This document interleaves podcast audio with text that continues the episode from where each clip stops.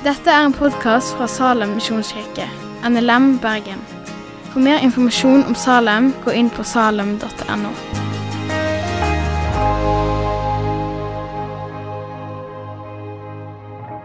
Vi fortsetter en hjerteserie når vi skal snakke om det å være singel. Og så kan dere tenke ok, Kristian, det er ti år siden sist du var singel. Ja, sist det var Slapp av. Ja. Det var ti år siden du var singel, Kristian.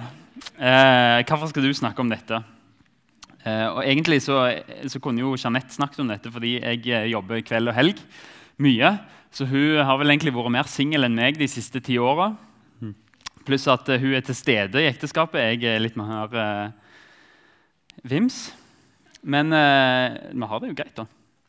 Men eh, så, når det er sagt, så har jeg et veldig fint ekteskap, selv om jeg brenner faktisk for å snakke om eh, singel og, og det å være kristen. Sist gang jeg talte om det, så, så satt Jeanette på første rad liksom bare 'Hallo, jeg er her'. For det hørtes ut som jeg snakket om som om det var liksom drømmen å bli singel igjen.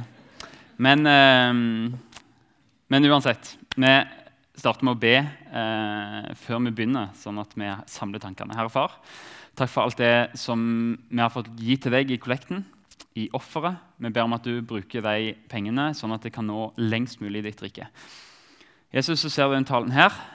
Herre Helligånd, jeg ber om at du går i benkradene og åpner hjertedørene våre. La oss få høre det som er til oss.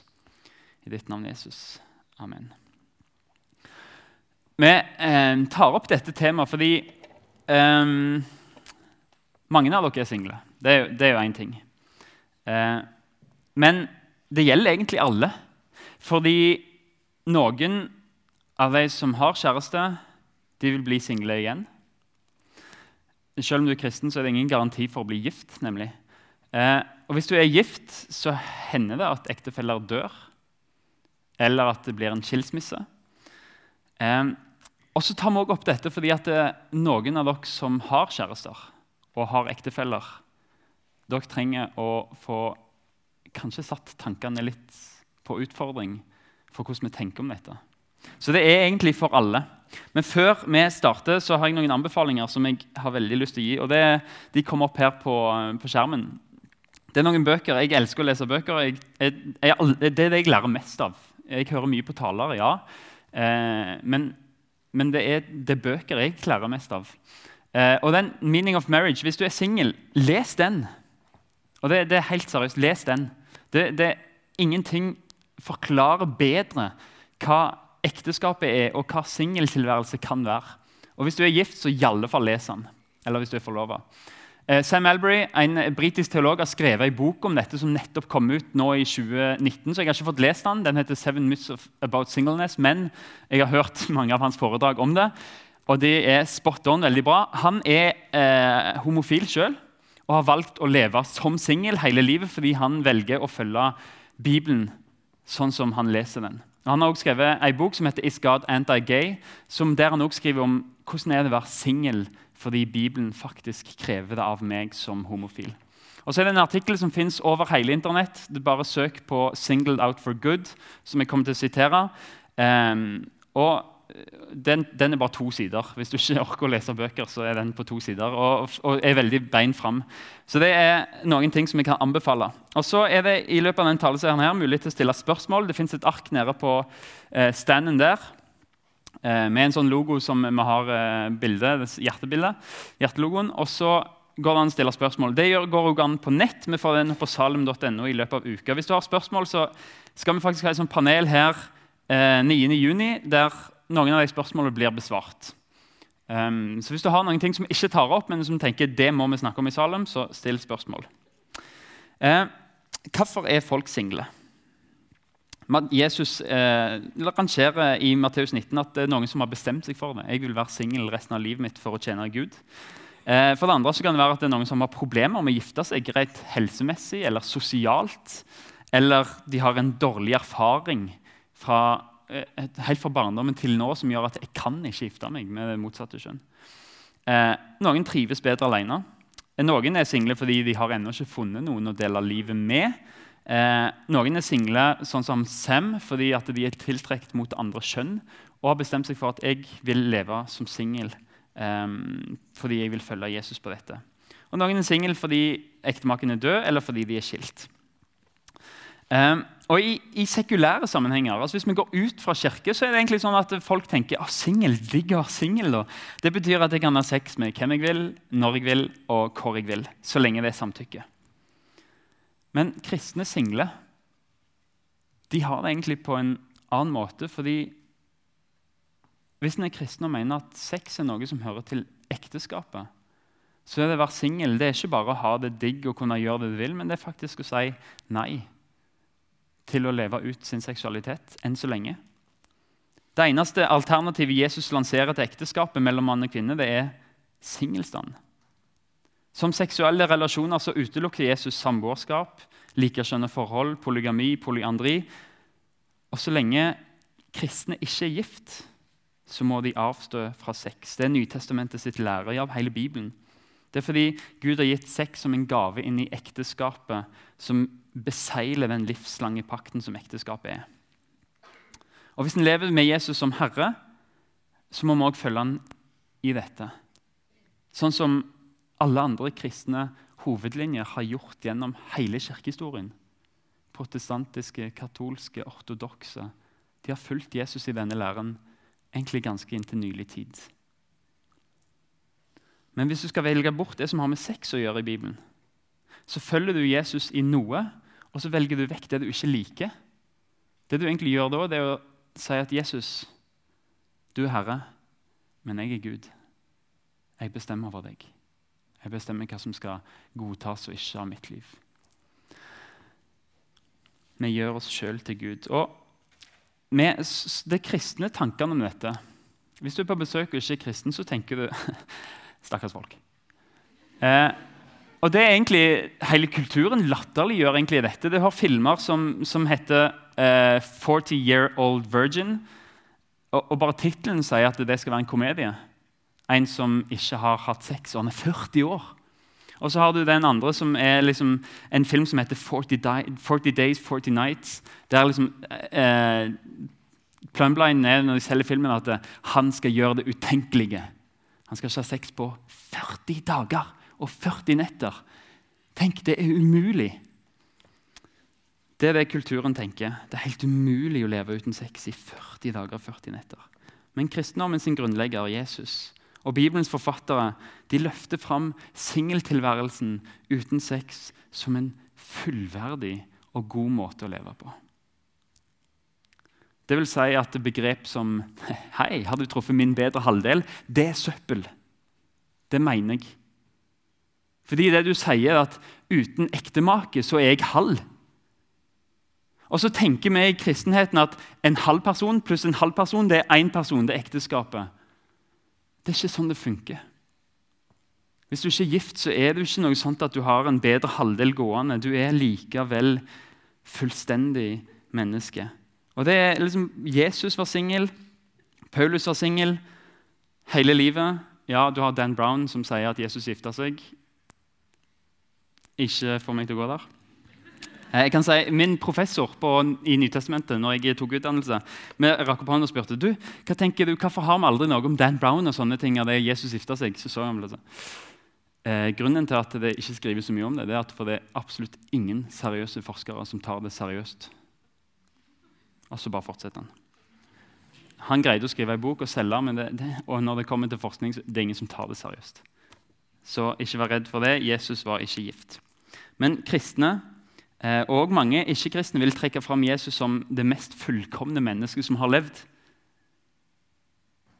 Og han var aldri gift. Han hadde aldri sex.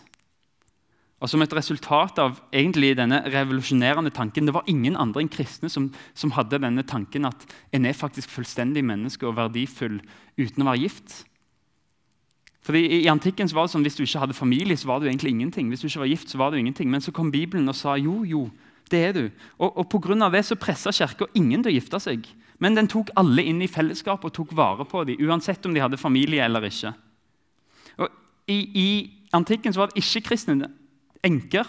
De ble tvunget til å gifte seg. Og Keiser Augustus Han sa faktisk at hvis en kvinne ikke har gifta seg innen to år etter at mannen døde, så skal hun få bot. Fordi Vi kan ikke ha single gående rundt sånn på den måten. Der kom Jesus og apostlene og sa nei, nei. Her skal folk få velge fritt. De har verdi eh, på samme måte som alle andre. Kirka tok seg av de, for de hadde jo ingen framtid uten familie. Det var jo ingen forsikring der. Barn var jo egentlig pensjonen din. Men kirka sa vi vil ta oss av disse. Og Kristne tenkte sånn fordi det kristne håpet det gjorde at ekteskapet ikke ble en avgud. Kristne som ikke gifta seg, de viste at min framtid er ikke garantert pga. familie eller barn eller ektefelle. Min framtid er garantert pga. Gud og det han har gitt meg i det kristne fellesskapet. De bar et vitnesbyrd om at Gud, ikke, ikke, ikke familie, men det er Gud som er mitt håp. Det er han som kan sikre min framtid. Først og fremst med å gi meg sikkerhet i, i, den kristne familien jeg har i kirka her. Sånn at jeg, jeg, har søstre, jeg har brødre, jeg har fedre og mødre i Kristus. Men òg på den måten at de vitner om at ja, men det er ikke ekteskapet som er det endelige målet. Det fins en frelse som er utrolig mye viktigere. Dette håpet gjør at enkene og de single på den tida kunne leve et liv som kjentes helt uten å ha mann eller kone eller barn. Og Det håpet gjør også i dag at faktisk så kan du ha helhet og vite at du har alt det gode Jesus vil gi deg, uten å måtte være gift. Til syvende og sist så er det bare Jesus som kan gi oss helhet. Ingen ektemake kan, kan måle seg med det. Det er til syvende og sist bare Gud som kan omfavne vår sjel og som kan gi oss det vi trenger. Han som kan dekke alle våre mangler og feil. Det var i et bryllup en gang at brudgommen snakker om bruden som hun er min verdens lys. Ikke snakk sånn om ektemaken din. Du legger på hun eller han et åk som den ikke kan bære, for det er bare Jesus som er det. Ikke snakk sånn, fordi det skaper et utrolig press på ektemaken oppi de single som tenker 'Hvem skal jeg finne da, som er sånn?' La oss snakke ærlig om at ekteskapet ikke blir kvitt alle problemer. Vi skal lese 1. Korinterbrev 7, som er en av de to tekstene. Det andre, Matteus 19, den kan du lese sjøl hjemme. Men 1. Korinterbrev 7, 7 og 9 og 32-35, som er liksom det som mange trekker fram når de skal snakke om enslighet i Bibelen. Paulus skriver Paulus var singel, og det er det som er bakgrunnen for den første setningen. han skriver. Jeg skulle ønske at alle var som meg. Men enhver har sin egen nådegave fra Gud. Den ene slik, altså var gift, den andre slik, altså var singel. Til de ugifte og enkene sier jeg, det er godt for dem om de fortsetter å være som jeg. Men dersom de ikke kan være avholdende, må de gifte seg, for det er bedre å gifte seg enn å brenne begjær. Og så seinere i 32. Jeg vil at dere skal slippe bekymringer. Den ugifte er opptatt av det som hører Herren til, hvordan kan være til glede for Herren. Men den som er gift, er opptatt av det som hører verden til, hvordan han kan glede sin kone. Og så blir sinnet delt. Den ugifte kvinnen og den unge jenta er opptatt av det som hører Herren til, så de kan være hellige både på kropp og sjel. Men den gifte kvinnen er opptatt av det som hører verden til, hvordan hun kan glede sin mann. Jeg sier, dere, jeg sier dette til deres eget beste, ikke for å legge bånd på dere, men for at det skal leve sømmelig og holde dere trofast og helhjertet til Herren. Det første som jeg legger merke til, er at Paulus kaller det å være singel for en nådegave. Har du hørt noe mer irriterende enn det? Men seriøst? Og Paulus sier det er en nådegave. For noen så er det utrolig frustrerende. Jeg, jeg, jeg tror ikke det er nådegaven singel jeg tror ikke det betyr at du ikke vil bli gift. Jeg tror ikke det betyr at du ikke kommer til å bli gift, men jeg tror det handler om at Gud gir sin nåde til deg, sånn at du faktisk kan leve i den tilværelsen og tjene Gud sånn at både du og andre vokser i troen og blir mer lik Jesus Det er det nådegaven er til. De er ikke til for oss sjøl, men for at vi skal hjelpe andre til å vokse opp til Jesus. Og Kanskje er singel en nådegave der Gud gjør at nå har du mulighet til å påvirke andre sitt liv på en helt annen måte enn det gifte kan gjøre. Fordi de har ikke tid til å prioritere det. Det betyr at singeltilværelsen, om den ikke er lett og om den ikke er ønskelig, så er den allikevel en god ting. Det er ikke en forbannelse å være singel. Det er ikke plan B. Men Paulus sier jo at ekteskapet også er en nådegave fra Gud. Uansett om du er gift uansett om du er singel, så har du en du har nådegave fra Gud.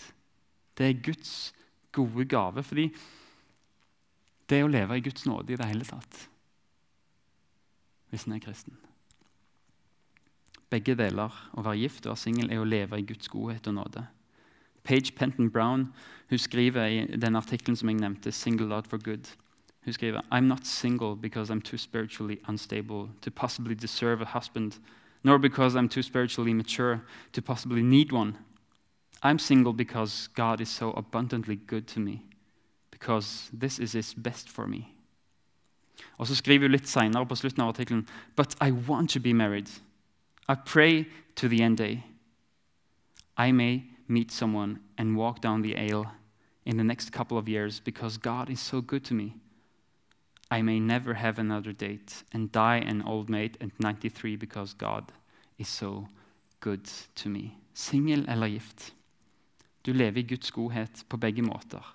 Guds gaver er gode, men vi har problemer med å se det av og til. For av og til så tar vi singeltilværelsen, og så ser vi på de mest negative sidene med å være singel, og så sammenligner vi dem med de beste tingene med å være gift. Av og til så er det noen gifte som tar de mest negative tingene med å være gift, og sammenligner de med de beste tingene med å være singel. Men vi greier liksom ikke å balansere det. Men ikke sammenlign det beste med å være gift med det dårligste med å være singel. For da tenker jeg at vi havner feil, i feil grøft. Uansett så lever vi i Guds godhet. Guds gaver er gode. En del av gaven singel er mulighet til å tjene Gud. Dette har, om, dette har jeg snakket om før.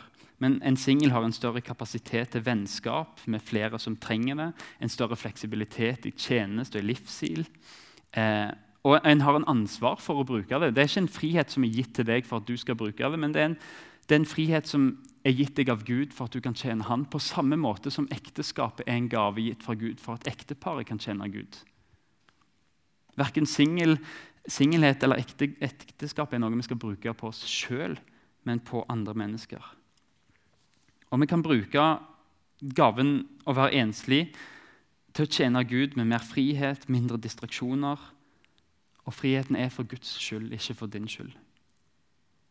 Og Det kan være noen fordeler som singel. Du, ja, du, kan reise verden rundt. Du kan reise på motorsykkelmisjonær i Sudan. Ikke gjør det med kone og barn.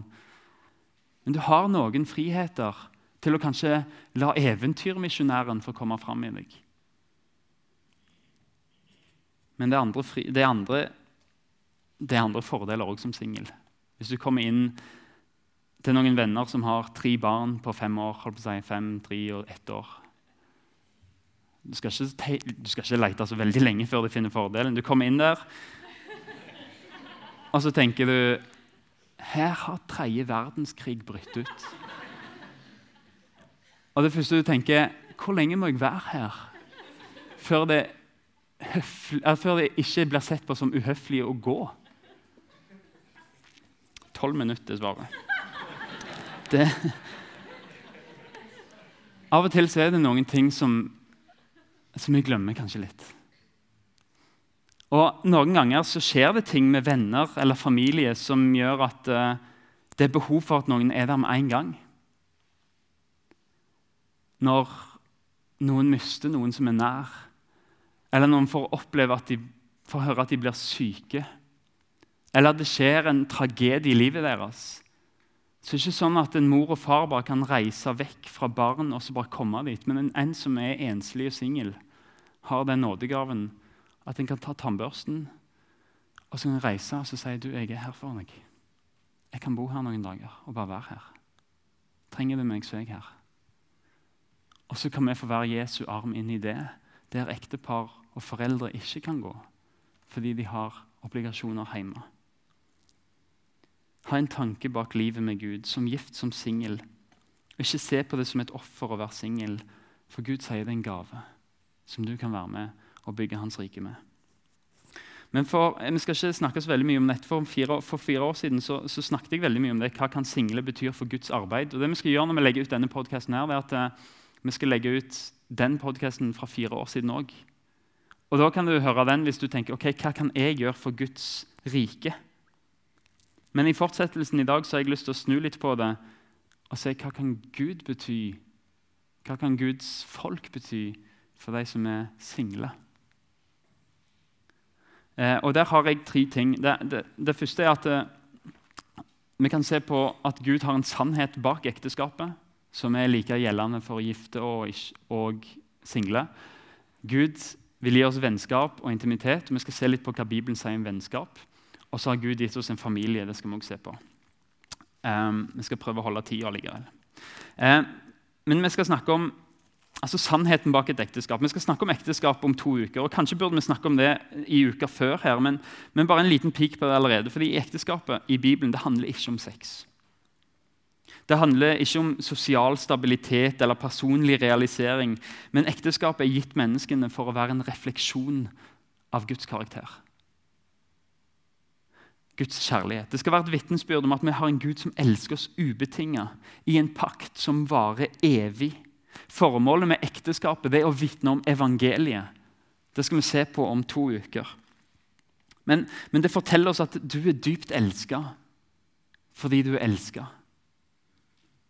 Og Den kjærligheten den viser seg i gjerning. Akkurat som en mann skal være sjøloppofrende i kjærligheten til kona, så var Jesus sjøloppofrende når han ga livet sitt for deg. Det er det ekteskapet skal vitne om. Det viser oss at ekteskapet det er ikke det endelige målet. Det peker på en annen sannhet, Guds ubetinga og evige kjærlighet. Selv ikke engang det beste ekteskapet her på jord kan leve opp til den sannheten som ekteskapet skal peke på. Ekteskapet er ikke Guds endelige løsning for å frelse oss. Det er kun Jesus som er det. Og Det er viktig at single òg ser det, at ekteskapet det er, ikke, det er ikke håpet. Det er ikke denne verdens lys. Det er kun Jesus som er det. Ekteskapet er bare et bilde på den store kjærligheten som Gud gir oss. Hvis du kan hvile i en relasjon til Jesus og se at han egentlig alt ekteskapet peker på, og du kan tenke at 'jeg har det', og la dine venner sitt ekteskap få være et vitnesbyrd om hvordan hans kjærlighet er til deg, så kan du hvile i det. Ikke tilbe ekteskapet, men tilbe han som ekteskapet peker på. Tilbe Jesus. Det mest lidenskapelige forholdet mellom mann og kvinne det er bare et hint av Jesus' sin lidenskapelige kjærlighet for deg. Å vite det kan hjelpe til å leve som en etterfølger av Jesus, selv om en er singel og se at den er elska. Guds rike viser deg at ekteskapet det er ikke alt. Det er bare en blyantskisse på den viktige relasjonen som egentlig bærer deg. Jesus. Så sannheten bak ekteskapet viser oss en sannhet for oss. Jeg er dypt elska. Det er det ekteskapet skal vitne om. For det andre så er, har Gud gitt oss vennskap og intimitet. Og du kan si ja, Kristian, Bibelen sier det er ikke godt for mannen å være alene. Ja, vi har fått en sannhet, evangeliet, okay, men det er ikke godt for mannen å være alene, sier Bibelen. Det er helt sant, men, men jeg tror ikke nødvendigvis at sex er svaret på det. Når Gud sier at han så det var ikke godt for mannen å være alene, så tror jeg ikke det handler nødvendigvis om sex eller ekteskap, men det handler om relasjon. Det er godt for mennesker å ha et, fell, et fellesskap. Et intimt ja, familiært ja, trygghet og anerkjennelse og vekstmuligheter ja. Gud skapte oss for å leve i relasjoner til andre mennesker. Og i de Relasjonene de ser forskjellige ut for hver av oss. For noen så ser det ut som et ekteskap. For noen så ser det ut som barn og foreldre. For noen så ser det ut som et godt nett, vennenettverk og en stor, utvida familie. Men for absolutt alle så ser det ut som å være en del av en lokalkirke. For kirke, folkens Evangeliet skaper et bånd mellom kristne som jeg tror er meint å være noen av de sterkeste båndene på denne jord. Like sterke som familie for de som ikke har det. Guds familie, søsken i troen. Det skal bety i en ideell kirke så skal evangeliet få gjøre sin jobb. Og medlemmene skal bli fylt av Ånden. Sånn at vi knytter relasjoner på tvers av kjønn, alder, kultur og rase. Men at vi blir en familie. Relasjoner som er så nære som søsken. Intime og trygge relasjoner. Og Vi skal se litt på vennskap, for det er det vi er. Vi er venner i Salem. Vi skal være søsken, vi skal være familie. Altså, ikke ta det som overført betydning. Ta det som faktisk. Vi skal være søsken. Vi skal ha den kjærligheten som søsken har, til hverandre. Ikke fordi vi greier det makter, men fordi Jesus gir oss den kjærligheten hvis vi vil søke Han. Og vi skal være venner.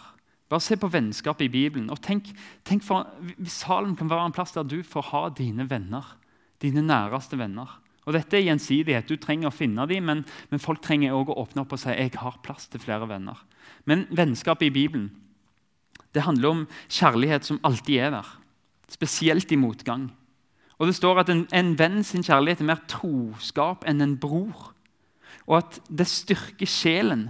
Det handler om gjennomsiktighet, det handler om fortrolighet, det handler om relasjoner som er så viktige. Sår fra en venn er til å stole på. Det sier noe om at vennskap er av og til så pirker vi borti noe som ikke er bra for oss. Og gir sår til hverandre fordi vi vil at det skal gro på en god måte. Og så er vennskap standhaftighet. En god venn slipper deg inn i livet, og de svikter ikke. Hvis vi får til det med Guds hjelp her i Salem, så ser vi at ekteskapet er ikke nødvendigvis svaret på at Gud så det var ikke godt for mannen å være alene. Men, men relasjoner, søsken, kirke kan være det.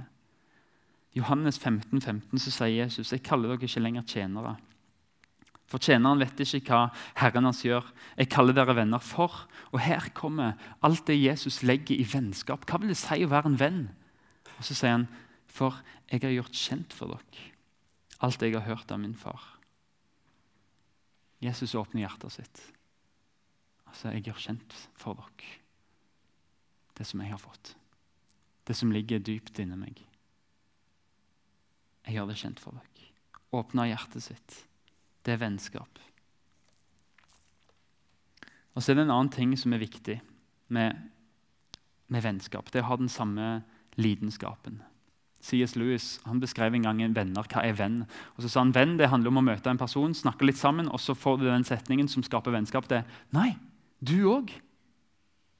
Fordi dere har en felles interesse. Og Sånn er vennskap.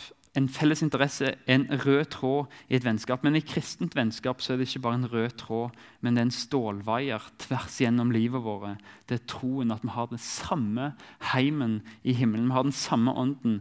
Og den samme prosessen at Den hellige ånd jobber i oss og forvandler oss. Og Det er det kristent vennskap er. Det er det som kan gi oss intimitet, som kan gi oss trygghet og tilhørighet. Selv om vi ikke er gift i en menighet, så kan dette hjelpe oss til å finne ok, det er godt, for jeg er ikke alene. Men kristent vennskap der skal vi få bekjenne synder for hverandre. Vi skal få peke på feil hos hverandre. Og Vennene dine bør egentlig få jaktlisens hos deg. Hvis du har en kristen venn som bør si du får lov til å ha jakt på mine dårlige områder i mitt liv og peke på det og si der må du skjerpe deg, for det ligner ikke på Jesus. Vi skal oppgløde hverandre til gode gjerninger. Vi skal tilgi, rettlede og ha gjennomsiktighet med hverandre. Vi skal bære byrden for hverandre, stå med hverandre i tjukt og tynt. Vi skal dele med hverandre, vi skal oppmuntre på hverandre. Og så skal vi peke på det er du god på, det er din nådegave. Det skal du få lov til å dyrke fram i de andre. Salem, ikke, ikke kast bort vennskapet deres. Ikke bruk vennskapet ditt bare på å snakke om Netflix eller fotball eller den neste store tingen. Men bruk ditt vennskap, bruk deres vennskap her. Det er kristne vennskap. Bruk de til å hjelpe hverandre til å vokse i troen. Til å si det der må du legge av deg, for det ligner ikke Jesus. Det der er du flink på. Jeg tror det er Den hellige ånd som jobber i deg. Finn de tinga som ligner hos Jesus, og elsk de fram i dine venner. Ikke kast bort det kristne vennskapet ditt. Jeg tror dette er noe alle trenger. Ikke bare bruke tid sammen, men reise mot det samme målet sammen og korrigere hverandre sånn at en reiser rett vei. Og hjelpe hverandre i den prosessen der vi blir mer lik Jesus. Og så kan du si ja, men Kristian, dette er jo ikke intimitet. La meg få si en ting som kulturen ikke vil være enig i. Men som jeg tror helt helhjertet oppriktig det går an å leve et meningsfullt liv uten sex. Det tror jeg ikke du vil høre utenfor en kristen sammenheng. Det går an, faktisk, at nærhet og fellesskap er svaret på det største savnet du har. Og For mange single så er følelsen av mangel på intimitet en ekte og sann. Men jeg tror ikke det er sånn det er meint å være i en kristen menighet. Hvis vi lar oss fylle av Guds ord, av Guds ånd, og leve det ut for hverandre. Paulus var singel, men han var aldri alene. Han hadde Titus, hans medarbeider. Han skriver til Titus du er min ektefødte sønn i troen. Og Paulus skriver at han hadde søsken i alle menigheter han hadde besøkt. Han beskriver til Timoteus at han skal formane menn som fedre og brødre og kvinner som mødre og søstre. I menigheten så ser Paulus familie. I menigheten sier han dette er familie, ikke bare åndelig, men sosialt òg. La det få være familie. Og Det kan hende at vi som kirke har tenkt ubibelsk intimitet. Påvirka av den kulturen vi lever i, så blander vi intimitet med sex. Det er ikke de samme tingene. Det som skjer når vi blander de to tingene, det er at all annen intimitet som er god og verdifull, det bare nedgraderes, for vi tenker det er ikke svaret på at det er ikke godt for mannen å være alene. Sannheten er at det fins mye intimitet uten sex, på samme måte som det fins veldig mye sex uten intimitet. En kan være ensom og gift på samme måte som en kan være ensom som enslig. Men i Bibelen så er vennskap og familie dypt og intimt. Menighet er familie. Vil dere være med å leve det fram for hverandre? Kirke er familie. Punkt tre. Og der skal dere enslige få slappe litt av. Dere som er gift, dere som har kjærester, skal gifte dere. Følg litt med nå. Dette er til dere. Her må vi tenke oss om. Det er ikke godt for mannen å være alene. Vennskap kan være et svar på det. Og gjerne vennskap med gifte par motsatte kjønn, fordi vi utfyller hverandre også som venner, ikke bare som ektepar. Men du som skal stifte familie, du som er gift, eller du som kommer til å gifte deg i framtida, slipp de single inn i kjernefamilien. Hvis du får barn, så må du vite at det barnet trenger mye flere voksne enn bare deg og kona di eller ekteparet for å faktisk se hele Jesu dybde. Fordi det er mange single som har mye mer å bidra med enn du, du kan, i tillegg, eller i tillegg til du kan. Familie det er ikke bare etternavn, det er kristennavnet. Slipp de inn. Inviter de på ferie. La de få hente barn i barnehagen. La de få være med å lage middag. Ikke fordi det er synd på single, men fordi at uh, vi får se mer av Jesus kjærlighet til alle jo flere vi lever tettere. En kirke der familie handler ikke om etternavn, men om å være søsken i troen.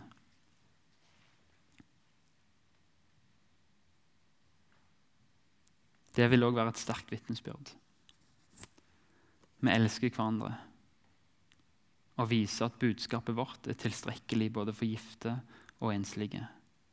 Jesus sier i Johannes 13, 35. Kom opp på skjermen her. Ved dette skal alle forstå at dere er mine disipler, at dere har kjærlighet til hverandre. Sånn blir vi òg attraktive når vi viser at fellesskap det handler ikke om blod, det handler ikke om etternavn, men det handler om at vi har den samme frelseren. Og så har jeg sagt at ekteskapet skal få vitne om Jesus kjærlighet, ubetinga kjærlighet og uendelige kjærlighet for oss at på samme måte som ektemannen og kona gir livet sitt, legger ned sine egne interesser for å løfte opp den andre ektemaken, så er det bildet på Jesus som kom fra himmelen, tok på seg en tjenerskikkelse og ble lydig til døden for oss. Det er ekteskapet et bilde på. Men du som er singel, du kan også tenke deg at du kan vitne med ditt liv at det Jesus har gitt meg, det er nok. Ekteskapet vitner om Jesus kjærlighet. Singellivet kan vitne om Jesu tilstrekkelighet. Hans utrustning er nok for meg. Så skal vi lese Salme 63 til slutt. Gud, du er min Gud, som jeg søker. Min sjel tørster etter deg. Min kropp lengter etter deg. I et vannløst, tørt og utarmet land.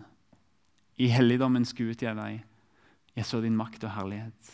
For din miskunnhet er bedre enn livet. Mine lepper skal synge din pris. Slik vil jeg velsigne deg hele livet og løfte hendene i ditt navn. Jeg mette som med fete retter, med jublende lepper priser jeg deg.